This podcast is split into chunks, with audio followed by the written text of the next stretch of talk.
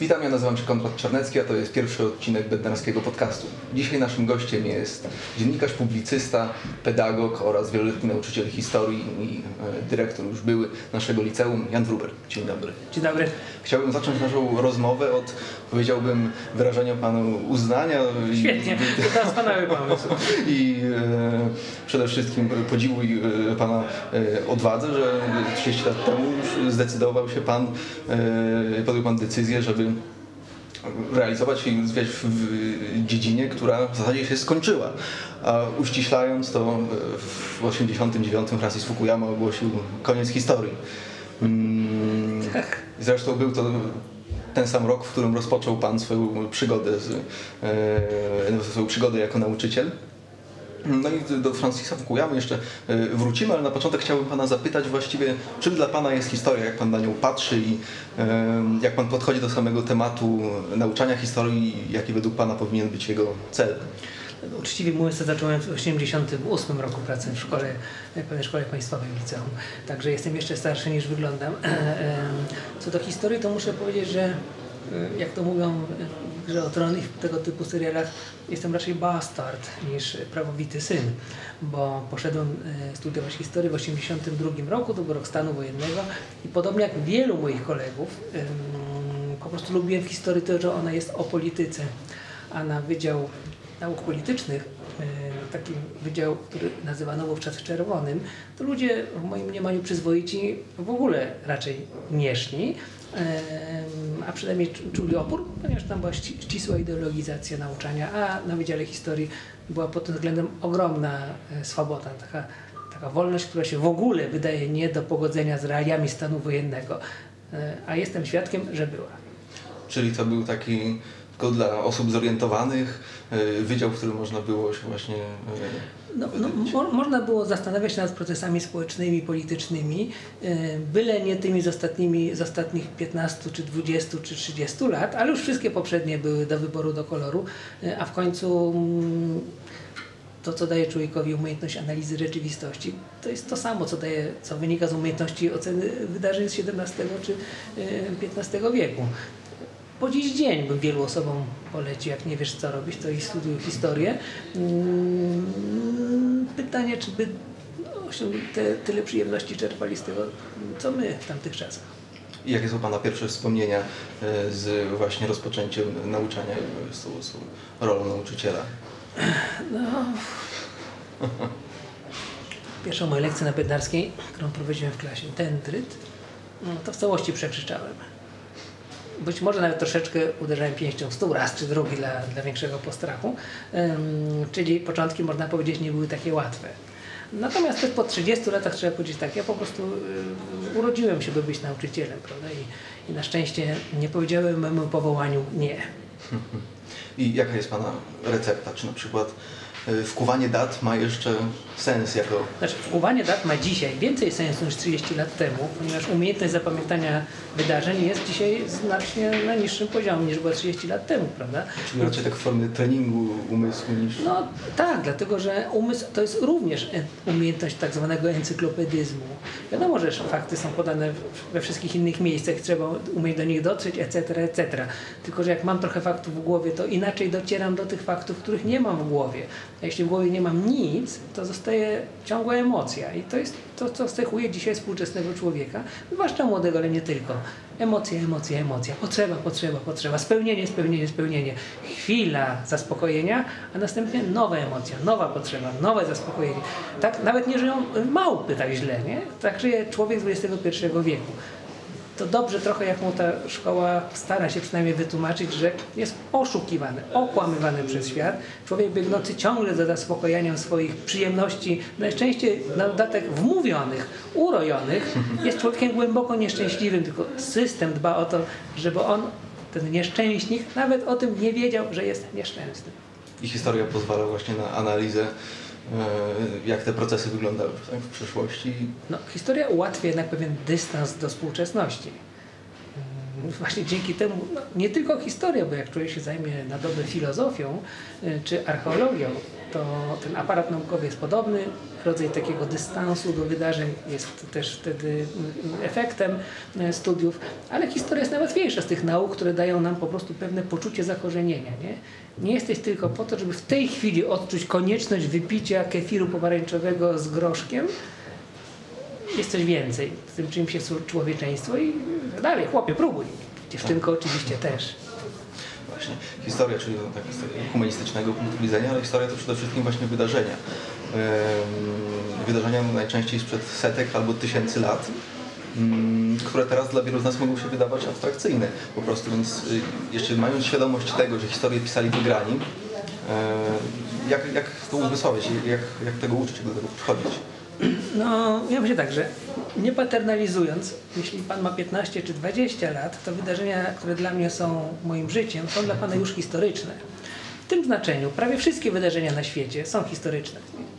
I lubię się powoływać na Gala Anonima, który jest pierwszym polskim historykiem, żadnym przecież historykiem nie był, napisał dzieło literackie. W związku z czym pierwsza polska historia Polski jest pozbawiona dat. Tam nie ma nawet daty chrztu Mieszka I. Bo, bo jak też zauważmy, że w normalnych historiach, tych, których opowiadamy ludziom, bardzo rzadko pojawiają się daty. No nie ma gorszego nieszczęścia niż człowiek, który na- nam opowiada ciekawą historię. Zaczyna tak. Nie zgadniesz, kogo widziałem w czwartek tramwaju. Nie, słuchaj. To nie był czwartek, to musiała być środa, bo byłem wtedy e, na treningu tenisa. Nie, słuchaj, to wiesz co? To mógł jednak być czwartek, bo akurat ja nie byłem w środę na treningu tenisa. Ta historia jest już zamordowana, dlatego że próbowała znaleźć datę, a przecież nie o datę w niej chodzi. Chodzi o to, to z kim ja, kogo ja widziałem w czwartek w tramwaju. Chłopie, nie uwierzysz. No ale ja nie, nie uwierzę rzeczywiście, ponieważ prawdopodobnie usnę, zanim mi to powiesz i nie dowiem się, kogo tam widziałeś. Więc y, historia jest po prostu nauką opowiadania. Historyk jest, tym się różni od gawędziarza, że nie tylko opowiada, czyli fałszuje historię, ale też i ją dekonstruuje, czyli znajduje w opowieściach innych osób y, y, prawdziwe, mm, prawdziwe to ale autentyczne albo przypadkowe zupełnie zafałszowania historyczne. I w tym znaczeniu wydaje mi się, że historyk to jest taki fajny zawód, bo jedno, jednocześnie może opowiadać, tworzyć historię poprzez jej opowiadanie, jak i zarazem psuje innym ich roboty. Cała przyjemność. Tak jest. A właśnie a propos historii, skoro już jesteśmy przy tym temacie, to myślę, że śmiało możemy powiedzieć, że nagrywamy naszą rozmowę w chwili, w momencie historycznym dla naszej szkoły, ponieważ w, obecnie, w obecnym roku szkolnym obchodzimy 30-lecie e, istnienia naszej e, szkoły bednarskiej. I właśnie o to chciałbym Pana zapytać, jakie ma Pan jako śmiało chyba można powiedzieć, ojciec, jeden z ojców założycieli naszego, e, naszego liceum, jak ma Pan wspomnienia z tamtego okresu, w którym pracował Pan nad tym projektem, którym było właśnie założenie e, pierwszego społecznego liceum w Polsce? Mm, O czym Pan wtedy myślał? Jakie miał Pan e, może obawy? Gdzie dostrzegał Pan zagrożenia w przyszłości? A z czym wiązał Pan nadzieję? Obawy zawsze wiązałem z tym samym i wiążę z tym samym, czyli że ludzie, jak się dużo ludzi zbiera podobnych do siebie, to środowisko jest w pewien sposób ułomne. No nawet jak się sami święci zbiorą, to właśnie to środowisko trochę ułomne wychowawczo, prawda? Bo wychowuje potem samych świętych, a świat potrzebuje różnych ludzi. To my trochę na to cierpimy, prawda? Że jest duża przewaga mm, rodziców i zarazem dzieci z klasy średniej, mających podobny pomysł na to, jak wyglądają wakacje, jak wygląda wykształcony człowiek, etc., etc. To jest zagrożenie, którego, które wtedy mi się wydawało jakoś w miarę poważne, a dziś mi się wydaje najpoważniejsze. Natomiast co do nadziei, to one brzmią dzisiaj bardzo anachronicznie, nawet nie wiem, czy umiem je dobrze młodym słuchaczom y, to jakoś wyjaśniać, ale staram się. Otóż ja w 80., pod koniec lat 80., kończąc studia, byłem głęboko przekonany, że przyszłość Polski to jest przyszłość y, Polski społecznej. Ja nie, nie byłem socjalistą w tamtym czasie już w ogóle. y, Na socjalizm wyglądał odrażająco, to, to obdrapany garaż, prawda? Pełen sprayu i szczurów. To nie ma do czego nawet specjalnie tęsknić, ale że to będzie taka Polska społeczna, no, oparta trochę na tym, co się w czasie pierwszej Solidarności tak wydawało, że będzie, prawda? Że ludzie są, tworzą rozmaitego typu komórki, aby być niezależnymi od państwa, ale razem, nie No indywidualnie niezależni od państwa. Jak wiadomo, poszło w inną stronę i Polska raczej stała się krajem ludzi indywidualnie niezależnych od innych ludzi oraz od państwa, prawda? To nie o to mi chodziło. W 88, 7 roku to, to właśnie marzyłem o takich rzeczach jak rzeczy społeczne. Kapitalista jak najbardziej, niech się kręci, wolny rynek, ale żeby ludzie w tym wolnym rynku działali społecznie. Stąd szkoła społeczna wydawała mi się absolutnie spełnieniem wszystkich marzeń, prawda? I ja bardzo nie lubię się chwalić, ale skoro już mam taką okazję, no uczciwie mówiąc w 89 roku czy 90 dla ludzi takich jak ja, czyli takich aktywnych jednak e, społecznie czy politycznie w latach 80., mających licznych znajomych, kończących studia, nie upaprany w żaden sposób w komunizm czy w ogóle w życie oficjalne, mm, to świat jednak stał otworem, prawda? Ja uważam, że jak już umrę, to będę tocząc spór z Panem Bogiem, czy raczej przypuszczam jakąś znacznie niższą formą e, duchowej materii, która będzie tam ze mną negocjować wyrok, to, tego argumentu użyję, mówiąc jednak nie wszystko zrobiłem źle. Bo w 89 roku wybrałem karierę nauczyciela. Kiedy naprawdę były lepsze, były znacznie lepsze. Dlaczego tak zrobiłem? Bo wierzyłem, że szkoły społeczne to przyszłość. Szkoła społeczna to jest niezależna, samorządna, taka komórka społeczna. Nie? I na, na dodatek ona działa w takim realnym świecie. To nie jest kwestia klubu dyskusyjnego, tylko no, są dzieciaki, trzeba je uczyć, prawda? I tu jak widać się trochę omyliłem, szkoły społeczne nie stały się wzorem szkół, wszystkich szkół w Polsce, ale dlatego właśnie wybrałem szkolnictwo społeczne taki byłem zachwycony, że mam taką w ogóle okazję z mądrymi ludźmi, starszymi trochę ode mnie taką szkołę współtworzyć. Byłem przekonany, że jesteśmy latarnią morską, która oświeci mrok w całej Polsce wszystkim nauczycielom i rodzicom. No i takie miałem, z takimi nadziejami zaczynałem uczyć, y, zamiast próbować pracy w Urzędzie Ochrony Państwa, to było wczesne ABW, czy, Tak. czy w Urzędzie Rady Ministrów, czy, czy, czy gdziekolwiek indziej, co Chociaż było realne. później epizod z y, Jerzym Buzkiem.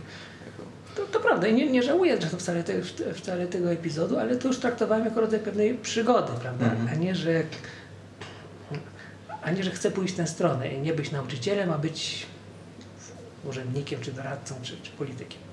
A czy to, w jakiej rzeczywistości, powiedzmy, bednarskiej funkcjonujemy teraz, y, w jaki sposób to się pokrywa z jakimiś y, Pana przewidywaniami, jeżeli może miał Pan właśnie takie wyobrażenie bednarskiej za x lat, mm, to jak ono wyglądało i czy jest zgodne z tym, co mamy y, To znaczy- teraz? Czy co Pana dokuczyło może? Znaczy, też trzeba powiedzieć, że człowiek po 50 jest chyba większym realistą niż, niż, niż człowiek po 20, prawda?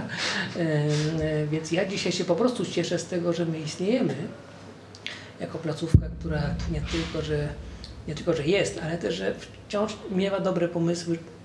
Moglibyśmy być wartościowym punktem odniesienia dla wielu szkół w Polsce, gdyby nie mm, no, przyjęte rozwiązania, jeżeli chodzi o dotowanie szkół y, niepublicznych, zawsze będą nas spychać na margines. Szkół, szkoły płatne z zasady nie są najlepszym wzorem dla szkół wszystkich, ponieważ jak one mają sobie poradzić z tym, że one są nieodpłatne, a szkoła wytworzyła model, ale szkoła odpłatna, nie?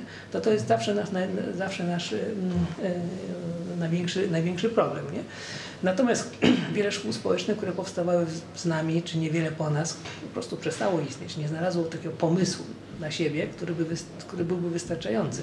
No my istniejemy, mnożymy się, gdybyśmy mieli bogatego sponsora, albo gdybyśmy mieli inny system utrzymywania szkół niepublicznych e, z środków, ze środków publicznych, to by nas było dwa razy tyle, co jest, prawda? Więc jesteśmy żywym organizmem, a nie nastawione na przetrwanie. To mi się bardzo podoba. Mhm. No właśnie, powiedział Pan, że e, powstanie bednarskie, liczył Pan, że to będzie taka latarnia morska i drogowskaz dla, e, taki impuls właśnie do po- powstawania i rozwijania tej edukacji w obszarze społecznym czy, czy też niepublicznym. I właśnie w 1989 powstanie bednarskiej e, zdecydowanie i z całą pewnością było e, takim jednym z symbolów e, zmian, transformacji ustrojowej, która przychodziła w naszym nie tylko kraju, może nie w całym obszarze, ale na pewno w tym obszarze właśnie szkolnictwa i edukacji.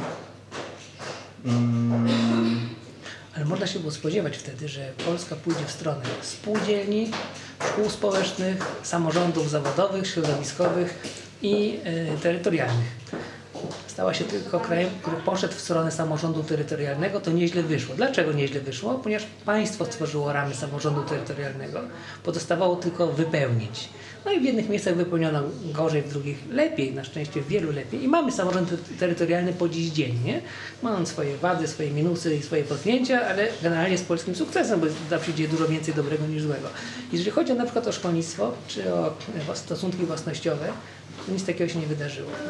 Zostawiono na przykład, nie, nie chcę za dużo gadać, bo to inny temat, ale spółdzielnie, tak zwane spółdzielnie budowlane, które były e, komunistycznymi monochami dla e, aparatu drugiego sortu, e, zostały nietknięte przez ten nowy system, w związku z czym po prostu zostały jako te fikcyjne spółdzielnie. Nie?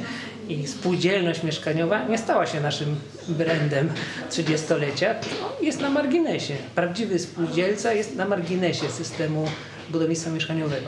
Podobnie jest z edukacją, że prawdziwy spółdzielca edukacyjny to wciąż jest margines polskiego systemu edukacyjnego, bo państwo nie stworzyło ram, no, nie zabiło nas, nie? Nawet trochę nas wspomaga dzięki systemowi dotacji na jednego ucznia. Mm, Bywa życzliwe, bywa nieżyczliwe, ale wrogie jeszcze nie było nigdy. No to istniejemy, ale nie dominujemy. No, no właśnie. A jakby, miał, jakby spojrzał Pan na pozycję naszej szkoły w zestawieniu właśnie z innymi w momencie, kiedy była to jedyna i pierwsza, która wprowadziła tego typu rozwiązania w kraju na pozycję właśnie 30 lat temu, a dzisiaj na tle innych szkół, to jakby Pan to określił? Te relacje właśnie, czy może... Ja przeszedłem długą ewolucję, prawda? Że uważam, że trzeba się trzymać tego pojęcia szkoła społeczna i on no, ma piękną tradycję i dużo znaczy, ale właściwie dobra szkoła to nie jest szkoła, która jest społeczna. Dobra szkoła to jest taka, do której uczeń trafia jako do pewnego środowiska, a nie jako do pewnej maszynerii. I otóż szkoła społeczna może być maszyną. Może być maszyną do, do, do tworzenia dobrych uczniów albo, albo z czegoś takiego, prawda? Może powiedzieć, mamy na Ciebie pomysł, uważamy, że, że, że uczeń powinien być tolerancyjny, wysportowany, logiczny i dobrze mówiący po polsku. No i dawaj ta maszyna. Wy- Wymieniłem cztery obszary, w których powiemy sobie chyba fajnie, nie?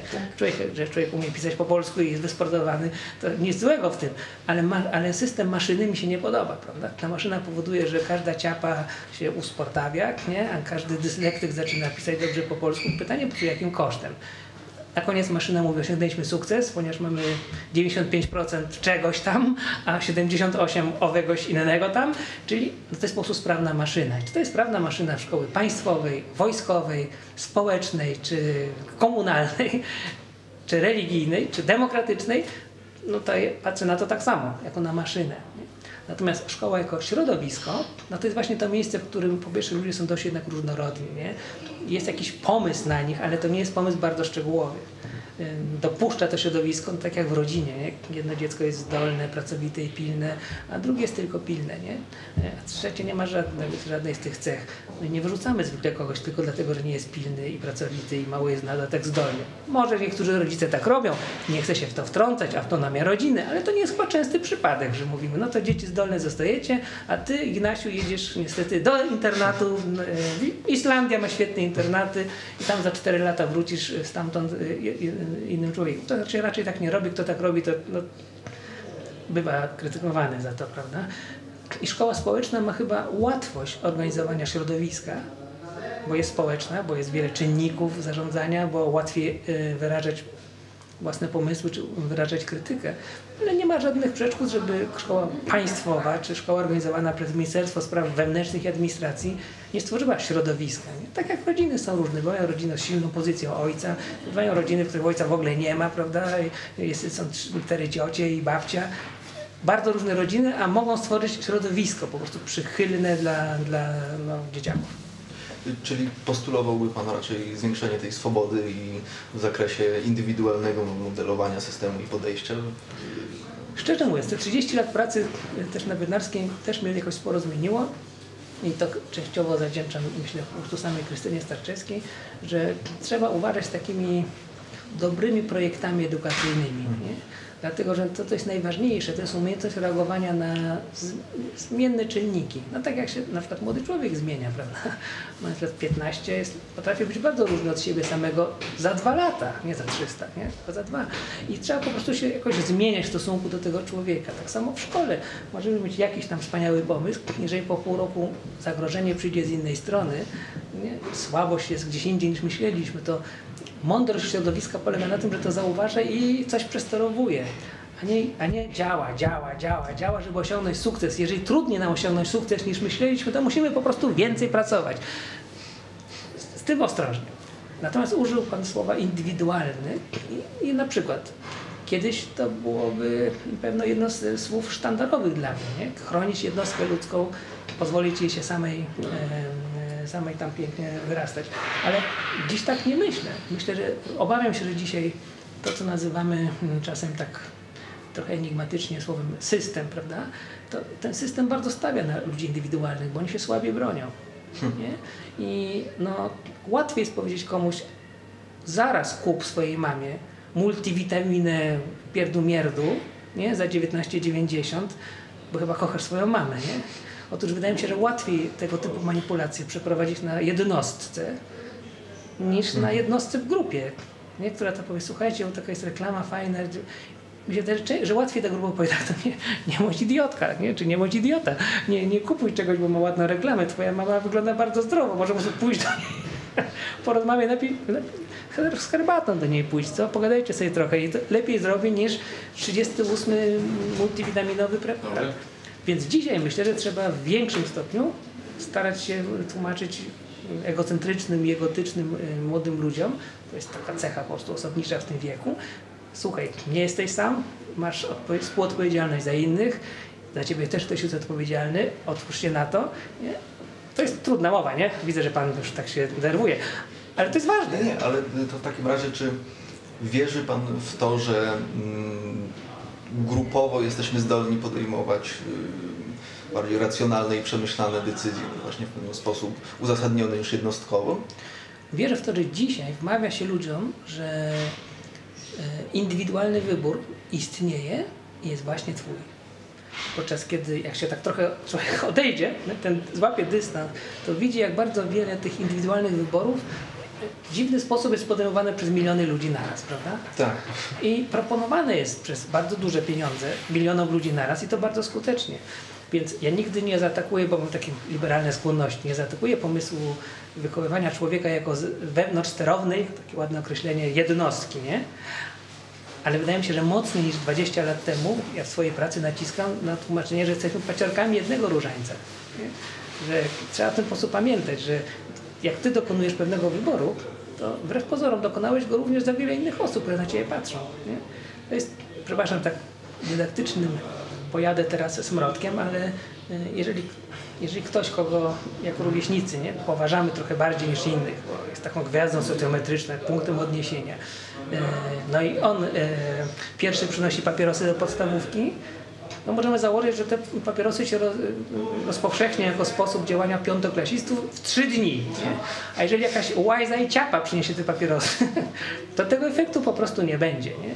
Więc no to oczywiście jest przykład komiksowy, ale chodzi o to, że podejmując decyzje indywidualne, nie, nie rozumiemy tego często, że podejmujemy również e, w imieniu innych, którzy na nas patrzą. Ja bym chciał, żeby szkoła dzisiaj jako środowisko uczyła tego. Słuchaj, no nie jest, nawet jak myślisz, że jesteś sam, to zdecydowanie 16 lat jeszcze o tym pomyśl, czy naprawdę jesteś sam, czy po prostu ktoś ci tak umawia, nie? Bo mu jest wygodniej z tobą jako jednostką, samotną wysepką.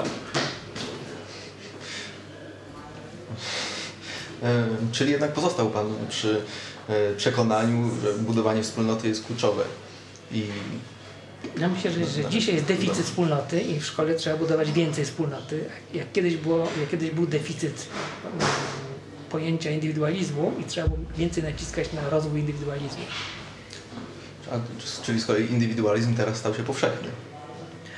Mm, no stał się powszechne wyzwanie, prawda? A za tym indywidualizmem, ja myślę, że ja na, ja na przykład jestem indywidualistą i nie chciałbym e, oszukiwać, nie? Nie, nie chcę oszukiwać, że to jest nieważne albo coś takiego, ale że bardzo często ten indywidualizm tak zwany po prostu jest fajną marketingową, marketingową nazwą samotności.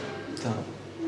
A wracając jeszcze do y, systemu, to Bednarska znana jest powiedzmy z niestandardowych rozwiązań i edukacyjnego y, podejścia do nauczania, w cudzysłowie. Niestandardowego oczywiście w odniesieniu do naszych polskich y, realiów, jakiekolwiek by one nie były, bo możemy oczywiście porozmawiać również o rozwiązaniach holenderskich, duńskich, czy y, o tych prowadzonych w innych Finlandiach, ale po co się demotywować na siłę i z, własnej woli. Mm, Dlatego chciałbym właśnie zadać Panu to pytanie w kontekście polskim. Ym, Czy wprowadzanie tego typu niestandardowych rozwiązań opartych właśnie na, nauczania opartego na pewnym indywidu- indywidualnym podejściu, y, na pracy w grupie, na mm, wzajemnej inspira- inspiracji itd., itd., czy to miałoby szansę jako rozwiązanie systemowe wprowadzone powszechnie do edukacji publicznej w naszym kraju? I czy mogłoby działać równie efektywny jak y, system, który mamy y, teraz, ma, mając, na uwagę, ma, mając na uwadze to, że y, szkoły i zdolności ludzi są na różnym poziomie, powiedzmy, w zależności od wielu czynników oczywiście. Mm, Czasem mi się zdarza, a przez pewien czas mi się nawet zdarzało w miarę często. Przepraszam, to 06 to gdzie jest? 06, pierwsza sala po lewej. Aha, dobra, dzięki. Mi się, zdarza mi się czasem, a, a był taki moment, że mi się zdarzało nawet częściej niż czasem em, odwiedzać szkoły albo spotykać się z nauczycielami czy z grupami nauczycieli z jak najbardziej publicznych szkół i to zazwyczaj poza dużymi miastami w Polsce. E, To było zdumiewające, jak wielu z nich to byli ludzie prowadzący pracę w grupach, pracę projektową, e, pracę nad jakimś zagadnieniem takim paranaukowym do rozwiązania, nieraz w szkołach podstawowych. E, I oni by się bardzo dziwili, słysząc, że Bednarska ma ich inspirować pracą w grupie albo pracą jakąś innego typu tam e, wy- wydziwnionego, ponieważ oni to po prostu robią, nie? I mogliby nas inspirować, gdybyśmy już koniecznie chcieli, to, to, to proszę, przyjadą i nam pokażą, jak to się robi.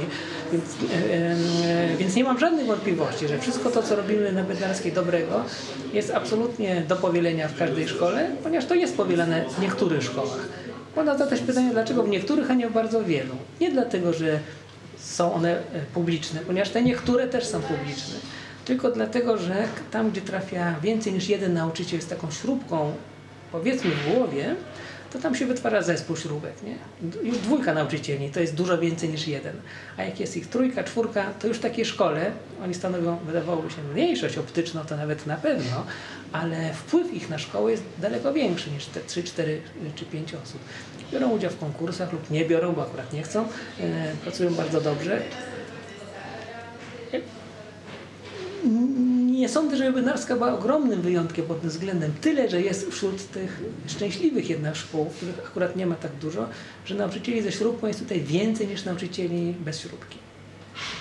Ale czy jednak nie powinniśmy dążyć do pewnego uniwersalizmu, i, który e, byłby właśnie bardziej dostępny dla całego przekroju społeczeństwa? Z edukacją jest tak, że jeszcze nie wynaleziono systemu idealnego. I on nie zostanie wynaleziony nigdy. Nie? Dlatego, że system idealny e, albo zaczyna się przy biurku, albo zaczyna się wraz z, człowiekiem. Przy biurku, no to ja też stworzyłem nie jeden system edukacyjny idealny, nie? E, No ale naprawdę chodzi o to, czy nauczyciel, który wchodzi do szkoły, czuje, że to jest jego projekt. Jak nie czuje, to ten system nie będzie idealny. Choćby nie wiem jak mądrze wymyślony. Idealny, czy bliski ideałowi, a właściwie daleki od ideału, ale jednak warto było się starać, jest tylko system, który nauczyciel wierzy. I to nie jest akurat tylko polski problem. Wiele szkół na świecie ma ten sam problem, że nauczyciele e, jednak na koniec wielu nauczycieli wierzy po prostu w ten system, w którym są czytelne metody stawiania ocen. Czytelne metody stawiania ocen powodują, że człowiek ma wyjątkowo mało kłopotów z władzami oświatowymi, z rodzicami, czy z bardziej zdenerwowanymi e, uczniami, bo mówi, przepraszam, no 71%. Nic nie mogę zrobić, nie? Podczas kiedy w systemach, których nie ma czytelnego sposobu stawiania ocen, bo na przykład w ogóle nie ma ocen, albo są one z, z, skąd inąd się biorą niż z garnka z procentami, nauczyciel jest ciągle narażony na to, że ktoś mu powie, ktoś przyjdzie do niego z awanturą, a dlaczego tak, nie? Dlaczego ta czwórka z angielskiego, skoro jak przyjeżdżają do nas koledzy z Niemiec, rozmawiają ze mną po niemiecku i moja córka z nimi zawsze świetnie rozmawia się, świetnie, etc., etc., prawda? No to skąd słaba ocena z niemieckiego? A jak nauczyciel ma porobionych 28 kartkówek, to mówi tak, no z procentów przydawki, no nie, niestety bardzo słabe, strona bierna ledwo, ledwo. Daje to w sumie 71%, a to daje 4 mniej. Ale takie czytelne określenie warunków pracy chyba też na pewno obniża frustrację i jakieś takie sytuacje stresowe, które mogą z tych niedomówień yy, wynikać. Ja, ja myślę, że jednak trzeba sobie uczciwie powiedzieć, że dobry nauczyciel to nie jest nauczyciel, który pracuje bezstresowo. Nie? Że po prostu człowiek się w tej pracy trochę spala. I, i, i nie ma się co łudzić, że jest inaczej. Nie? Ksiądz kardynał Stefan Wyszyński, dziś cokolwiek zapomniane, w czasach mojej młodości określany mianem prymasa tysiąclecia, miał wśród takich bałmotów, to nie była osoba taka ciepła, otwarta i serdeczna, to nie był papież Jan Paweł II, powiedziałbym, że dość przeciwnie, nie? No, ale, ale też bym go cenił. Miał taką wypowiedź o księżach, która mi została dobrze w pamięci, bo podobno na rekolekcję dla księży w Laskach powiedział ksiądz, który, ksiądz, którego odwiedzamy w Tworkach, to był dobry ksiądz, który spalił się dla ludzi. Tak. I myślę, że akurat nauczyciel nie musi być księdzem i nie musi spalić się i pójść do tworek, ale tak trochę homeopatycznie trzeba się z tym pogodzić, że w tej pracy człowiek, jak chcesz pracować, e, pracować bez stresu, to pracuj bez ludzi. Zostań nerdem, znajdź jakąś maszynę, może komputer i tam mm. sobie pracuj samotnie i denerwuj się na maszynę. Czyli maksymalne zaangażowanie jest. E, ja myślę tak, że z wiekiem człowiek też rozumie, że ono nie może być maksymalne, ponieważ jednak człowiek musi przychodzić do szkoły jako jednostka ludzka, a nie jako takie danie dla uczniów. Nie? Zjedzcie mnie całego, a potem idźcie w świat. No to teraz niektórzy ci najbardziej wrażliwi uczniowie zrobią tak samo i będą nieszczęśliwi. To tak nie, tak nie wolno robić. Nauczyciel musi przychodzić do szkoły, moim zdaniem taki trochę autonomiczny, nie? że przychodzę, jestem z wami, ale mam też swoje życie, które, którym też umiem jakoś zarządzać, a nie zostawiam tam to życie jako nieważne, bo dziecko też ma maturę, to trzeba jeszcze wieczorami w sobotę i w niedzielę go douczyć do matury. A ja myślę, że nie, że trzeba powiedzieć tak, przepraszam cię, no, kocham cię jak własne dziecko, ale, ale ja po prostu chcę mieć soboty i wieczory dla siebie. No, na tak spalić się, ale jednak nie spalić się. Tak. Przeciwieństwo z przeciwieństwem, to się pięknie łączy. Czyli e, oddzielać życie prywatne od e, jednak zawodowego. Tak, nie tak historycznie, bo to nie jest zawód jak każdy inny, prawda? To jest taki akurat zawód, gdzie się trochę przeplata tak, osobowość tak, moja prywatna z osobowością moją pracowniczą, e, ale gdzieś umieć no, grać na różnych fortepianach jak najbardziej. A na koniec naszej rozmowy chciałbym jeszcze wrócić właśnie do wątku Francisa Fukuyamy. I może zacznijmy w ogóle od tego, kim jest Francis Fukuyama, co się kryje pod tą enigmatyczną, tajemniczą nazwą końca historii, jakie to, co to wszystko, e, jaki to ma związek z tym modelem demokracji liberalnej, który jest tak popularny wśród krajów zachodnich, czy może już w zasadzie powinienem powiedzieć był? Fukuyama napisał tę książkę, żeby pokazać, że istnieje pewien przełomowy moment w historii, właśnie to artykuł Foreign Office, nawet nie była książka. Się potem trochę rozrastała, ale tak na dzień dobry po prostu ważny artykuł. Jeden z nie tak wielu zresztą ważnych artykułów w tym sławnym e, e, piśmie o sprawach międzynarodowych. Ten ważny moment historii polega po prostu na tym, że takie zasadnicze napięcie o to, ile władzy należy wyszarpać tym, którzy są na górze i roz, tak rozdać ludziom, że to, to napięcie się właśnie skończyło. W momencie, w którym komunizm upadł jako alternatywa dla demokracji liberalnej, Nikt inny nie stworzył kompleksowej, ideologicznej odpowiedzi na demokratyczny kapitalizm jak komunizm. Skoro ta odpowiedź się skończyła, no to żyjemy w czasach, w których mamy do czynienia już tylko z, z kłopotami z demokratycznym kapitalizmem, prawda? I z liberalną demokracją. Z tym mamy kłopoty, ale już nie mamy tego punktu odniesienia. I nie docenił tam, znaczy świadomie nie docenił też problemu takich zwykłych militarnych utarczek o zasoby. Wydawało mu się, że skoro rywalizacja wielkich bloków komunistycznego i kapitalistycznego przychodzi do historii, to prawdę mówiąc dużo jest bardziej rozsądne, że ludzie będą się wymieniać ropą naftową, uranem, dobrami elektroniki i projektami nie, e, intelektualnymi, niż żeby chomikowali na, na, na przyszłą wojnę, bo nie ma powodu, żeby tę wojnę mieć, bo kto miałby się z kim bić. Więc artykuł, jak wszystkie takie, które jednoznacznie przewidują przyszłość, oczywiście się rozminął z przewidywaniami, Natomiast ja nie specjalnie krytykuję ani tego Fukuyama, ani, taki, ani ten optymizm sprzed 30 mm -hmm. lat, dlatego że, że no, nie chcę się rozgadywać w tej sprawie, ale nie, nie, jest coś takiego w tej jakby kulturze politycznej współczesnej, że bardzo wiele osób kwęka, tak, nie? Że mówią, no nie, to się wszystko skończyło, to jest wszystko do niczego. E, I na razie to jest taka gra. Większość ludzi, która kwęka, przecież w istocie rzeczy potem pakuje walizki, jedzie do tych krajów trzeciego świata, które są bardzo niebezpieczne i tam spędza miesiąc wakacji, prawda? I się denerwują wtedy, jeżeli nie ma ciepłej wody w prysznicu. Hello. Po wszystkich swoich kwękania, że świat się mniej więcej kończy, globalne ocieplenie, narastanie terroryzmu i populizmu, potem są denerwowani, bo nie ma po prostu ciepłej wody w, w kranie. A ja za to zapłaciłem, mówią ci wszyscy rozwścieczeni i przerażeni e, stanem świata boomersi. E, Czyli byłby pan raczej daleko od takich e, postaw? No, sytuacja na świecie jest o wiele lepsza niż była, niż prawie zawsze była w historii. Ale przypomina się niestety ta zła prognoza, że przed I wojną światową Europa osiągnęła taki stan wzrostu zarówno ekonomicznego, jak i ogólnego dobrostanu, którego nigdy przedtem nie przeżyła. I jaki był tego efekt? Że mnóstwo ludzi pisało wiersze, książki i, i robiło smutne e, malunki na temat dekadencji, końca cywilizacji, niezidentyfikowanej bliżej katastrofy, braku sensu, oszustwa systemu demoliberalnego i tak dalej, i tak dalej. No i proszę bardzo, była pierwsza wojna światowa. 10 milionów ludzi nie żyje, prawda? Z samego kwękania. Więc jestem za tym, żebyśmy mieli krytyczny umysł i widzieli wszystkie zagrożenia, to jest rozsądne, ale robienie z tego takiego zlepka niejako takiego odruchowego. Boże, Boże, Boże, ten XXI wiek, to dopiero katastrofa, prawda? Wydaje mi się, że to jest sposób, żeby katastrofę przybliżyć, a nie żeby oddalić. Wielokrotnie pewnie słyszeliśmy e, na przykład krytyków systemu Unii Europejskiej, którzy mm, narzekają na opieszałość unijnych biurokratów, którzy nic tylko by prostowali banany i łowili ślimaki, e, niż e, zajmowali się realnie sprawami problemami, realnymi problemami ludzi, czymkolwiek one są.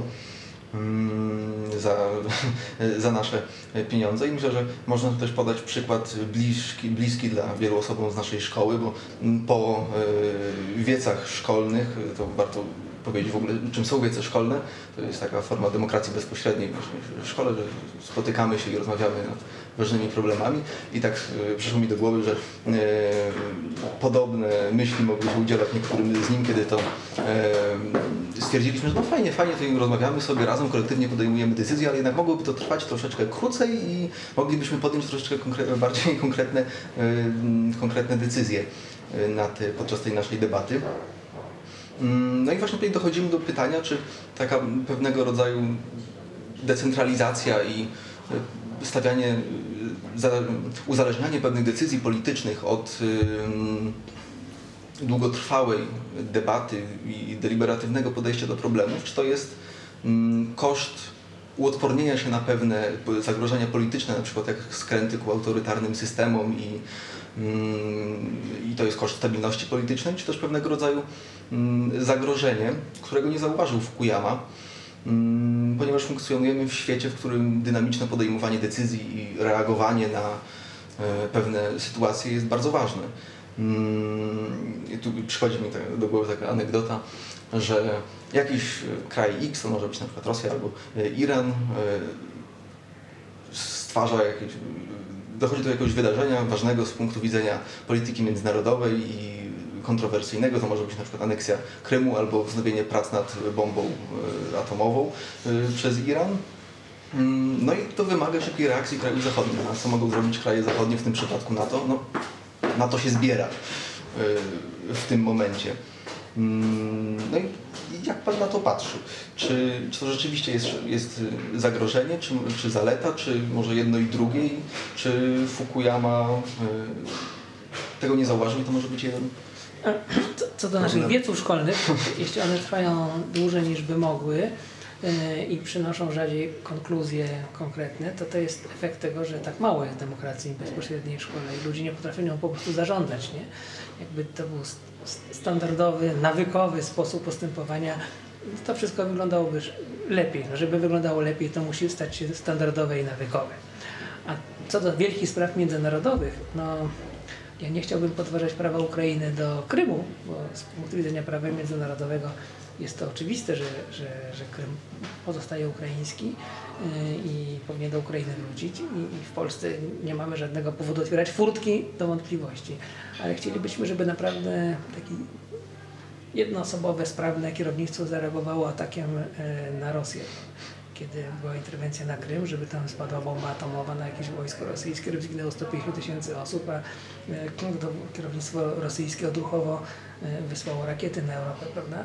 To, to nie można powiedzieć, że jednoosobowa decyzja z zasady przynosi więcej Tak, dobra oczywiście. niż wieloosobowa, że szybka jest zawsze lepsza od wolnej. Gdyby tak było, no to tak by było, ale nie jest. E, Więc to, że mocarstwa zachodnie, kraje zachodu wzdrygają się przed działaniami zbrojnymi, zaliczałbym raczej do sukcesów systemu Unii Europejskiej i tego NATO globalnego, nie?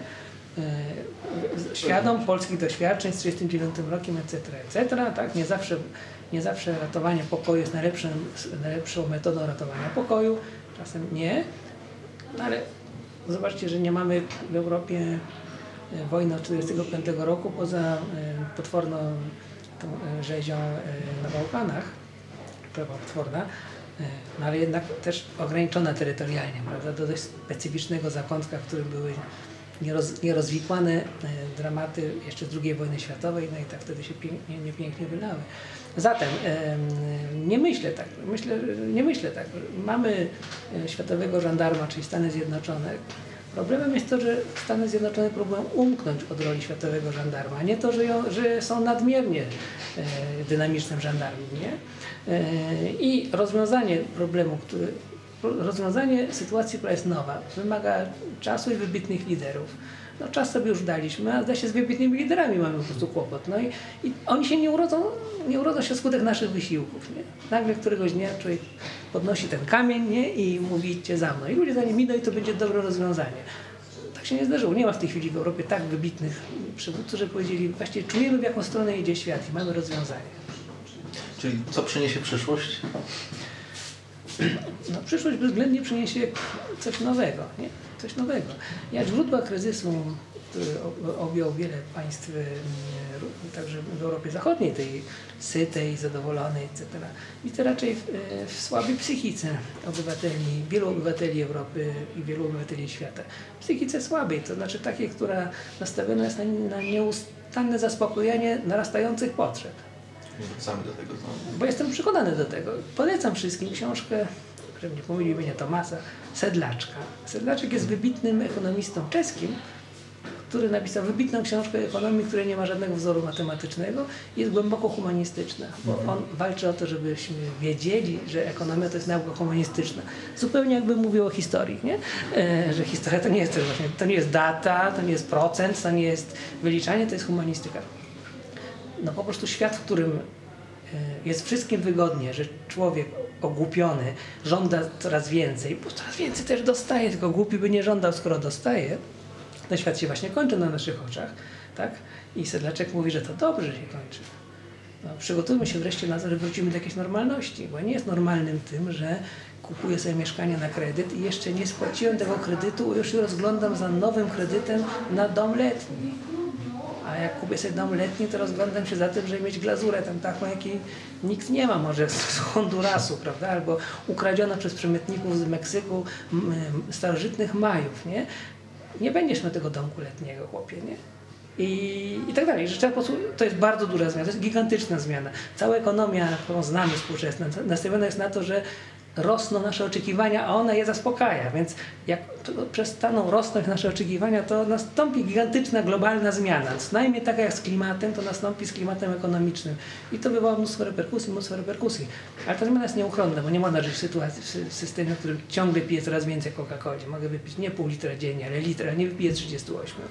Ale czy to nie, nie brzmi lekko idealistycznie? Bo... Nie, nie, to brzmi realistycznie. Po prostu, człowiek nie jest w stanie wypić więcej Coca-Coli, nie może mieć więcej mieszkań, nie, nie może mieć więcej y, pięknych modelek jako żony, niż powiedzmy 14 w ciągu jednego życia, już to się skończy, prawda? To No ale właśnie może się skończyć konfliktem, wojną albo nie, niekoniecznie zmianą może i nasze, i może, może i to, czego powinniśmy, do, powinniśmy dążyć, to jest do tego, żeby pamiętać o tym. Gdzie się Fukuyama po- pomylił? Pomylił się w tym, że jak nam powiedział, że wojna jest niesłychanie mało prawdopodobna, to bardzo wielu ludzi uznało, że tak właśnie jest. A wojna jest po prostu mało prawdopodobna, ale nie jest wykluczona. I i jaką myśl y, chciałby Pan naszym widzom i słuchaczom, y, chciałby Pan, żeby jaką myśl zapamiętali oni z tej rozmowy? I Chyba nie jestem bardzo dobrym guru e, e, i też jestem przekonany, że od wielu lat jest tak, że ja mówię po prostu innym językiem, nie, nie, że mówię, że myślę innym językiem niż moi słuchacze, szkolni przynajmniej, prawda, że, że, że idziemy ścieżkami równoległymi, nie każdy idzie swoją drogą, prawda. I ja po prostu jestem głęboko przekonany, że, że to, co w życiu jest bardzo ważne, to jest umiejętność, to jest taka wstrzemięźliwość, nie? E, I dzisiaj wydaje mi się, że słowo wstrzemięźliwość jest powiedzmy równie apetyczne co słowo ciężka praca z Afriko, prawda, albo, albo coś w tym stylu, a, a jest po prostu istotnym czynnikiem podnoszącym zarówno pojedynczego człowieka, jak i całe narody i cywilizacje o stopień wyżej. Móc to również móc nie chcieć. Jest to w pewien sposób optymistyczne. Mm, I tym akcentem skończymy naszą rozmowę. Dziękujemy bardzo za uwagę. Zapraszamy również do oglądania kolejnych odcinków Benerskiego Podcastu, które pojawią się już niebawem na naszym kanale YouTube, a także mam nadzieję na serwisie Spotify oraz podcastach iTunes. Dziękuję bardzo za rozmowę. Dziękuję.